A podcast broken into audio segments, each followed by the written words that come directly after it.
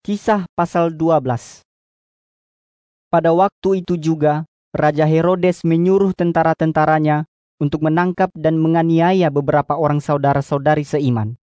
Dan dia menyuruh tentara-tentaranya untuk membunuh Yakobus, saudara Yohanes, dengan pedang.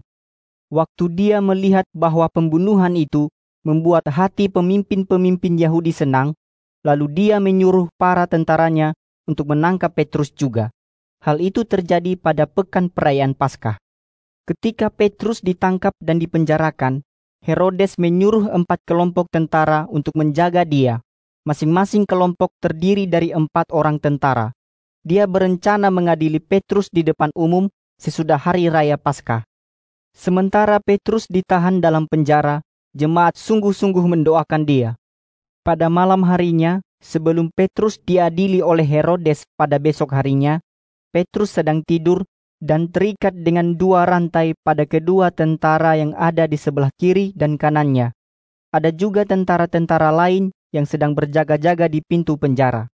Tiba-tiba salah satu malaikat muncul di sana dan terang bersinar di dalam penjara itu. Lalu malaikat itu menyentuh Petrus pada bagian rusuknya untuk membangunkan dia dan berkata, Cepat bangun. Saat itu juga rantai-rantai itu terlepas dari tangan Petrus. Lalu malaikat itu berkata kepadanya, Pakailah bajumu dan sandalmu. Dan Petrus pun melakukannya. Kemudian malaikat itu berkata lagi, Pakailah jubahmu dan ikutlah saya. Lalu Petrus mengikuti malaikat itu keluar, tetapi dia tidak berpikir bahwa yang dilakukan malaikat itu benar-benar terjadi. Dia menyangka bahwa dia mendapat penglihatan. Mereka melewati penjagaan pertama dan kedua, lalu mereka sampai di pintu besi, yang adalah pintu menuju ke kota. Pintu itu terbuka dengan sendirinya, dan mereka pun keluar dari situ. Sesudah mereka berjalan dari persimpangan jalan ke jalan lain, tiba-tiba malaikat itu menghilang. Saat itu juga Petrus menyadari apa yang sudah terjadi, dan dia berkata, Sekarang saya tahu dengan pasti bahwa Allah sudah mengutus malaikatnya untuk menyelamatkan saya dari tangan Herodes dan dari semua rencana jahat orang Yahudi. Ketika Petrus sudah sadar tentang apa yang terjadi, dia pergi ke rumah Maria, ibu Markus. Markus itu juga disebut Yohanes. Di rumah itu, banyak orang sedang berkumpul dan berdoa. Petrus mengetuk pintu dan seorang perempuan yang bernama Rode datang untuk membuka pintu. Dia bekerja sebagai pembantu di rumah itu. Waktu Rode mengenal suara Petrus, karena dia sangat gembira, dia berlari ke dalam dan lupa untuk membuka pintu. Lalu dia memberitahukan kepada semua yang berkumpul. Petrus sedang berdiri di depan pintu. Lalu mereka berkata kepadanya, Kamu sudah gila. Ketika dia terus saja berkata bahwa Petrus memang ada di luar, mereka berkata lagi, Mungkin itu malaikat yang bertugas untuk selalu menjaga dia. Sementara itu, Petrus masih terus mengetuk pintu, dan ketika mereka membuka pintu dan melihat dia, mereka heran sekali. Tetapi Petrus memberi tanda dengan tangannya supaya mereka diam. Lalu dia menceritakan kepada mereka bagaimana Tuhan sudah mengeluarkan dia dari penjara.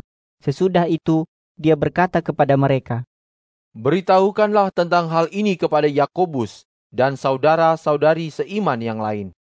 Lalu dia pergi ke tempat lain. Besok paginya, para pengawal dan tentara-tentara itu menjadi gempar tentang bagaimana Petrus bisa keluar dari dalam penjara. Herodes menyuruh tentara-tentaranya yang lain untuk mencari Petrus, tetapi mereka tidak menemukan dia. Lalu Herodes memeriksa ke-16 tentara yang sudah menjaga penjara itu. Akhirnya dia memberikan perintah supaya mereka semua dibunuh. Sesudah itu, Herodes berangkat dari provinsi Yudea ke kota Kaisarea dan tinggal di sana beberapa lama. Sebelumnya Herodes dan masyarakat kota Tirus dan Sidon saling dendam. Jadi pada kunjungan ini, utusan-utusan dari kedua kota itu berusaha berdamai dengan raja karena daerah mereka bergantung kepada daerah Herodes untuk mendapatkan makanan. Oleh karena itu, mereka menyuap seorang pejabat bernama Blastus, yaitu kepala urusan istana, supaya dia membantu mereka dalam urusan itu. Jadi, pada hari yang sudah ditentukan, Herodes memakai jubah khusus raja, duduk di atas tahta kerajaan, dan berpidato kepada mereka. Orang banyak dari kedua kota itu mau menyenangkan hati raja. Jadi mereka memuji dia dengan berteriak, Yang kita dengar ini adalah suara dewa, bukan suara manusia. Tiba-tiba malaikat menjatuhkan hukuman atas Herodes karena dia menerima pujian itu dan tidak memberi hormat kepada Allah. Lalu usus Herodes dimakan oleh cacing-cacing hingga dia mati. Pada waktu itu, firman Allah masih terus tersebar dan jumlah orang yang percaya kepada Yesus semakin bertambah banyak. Sesudah Barnabas dan Saulus menyelesaikan pelayanan mereka di Yerusalem, mereka kembali ke Antioquia. Markus yang juga disebut Yohanes ikut bersama mereka.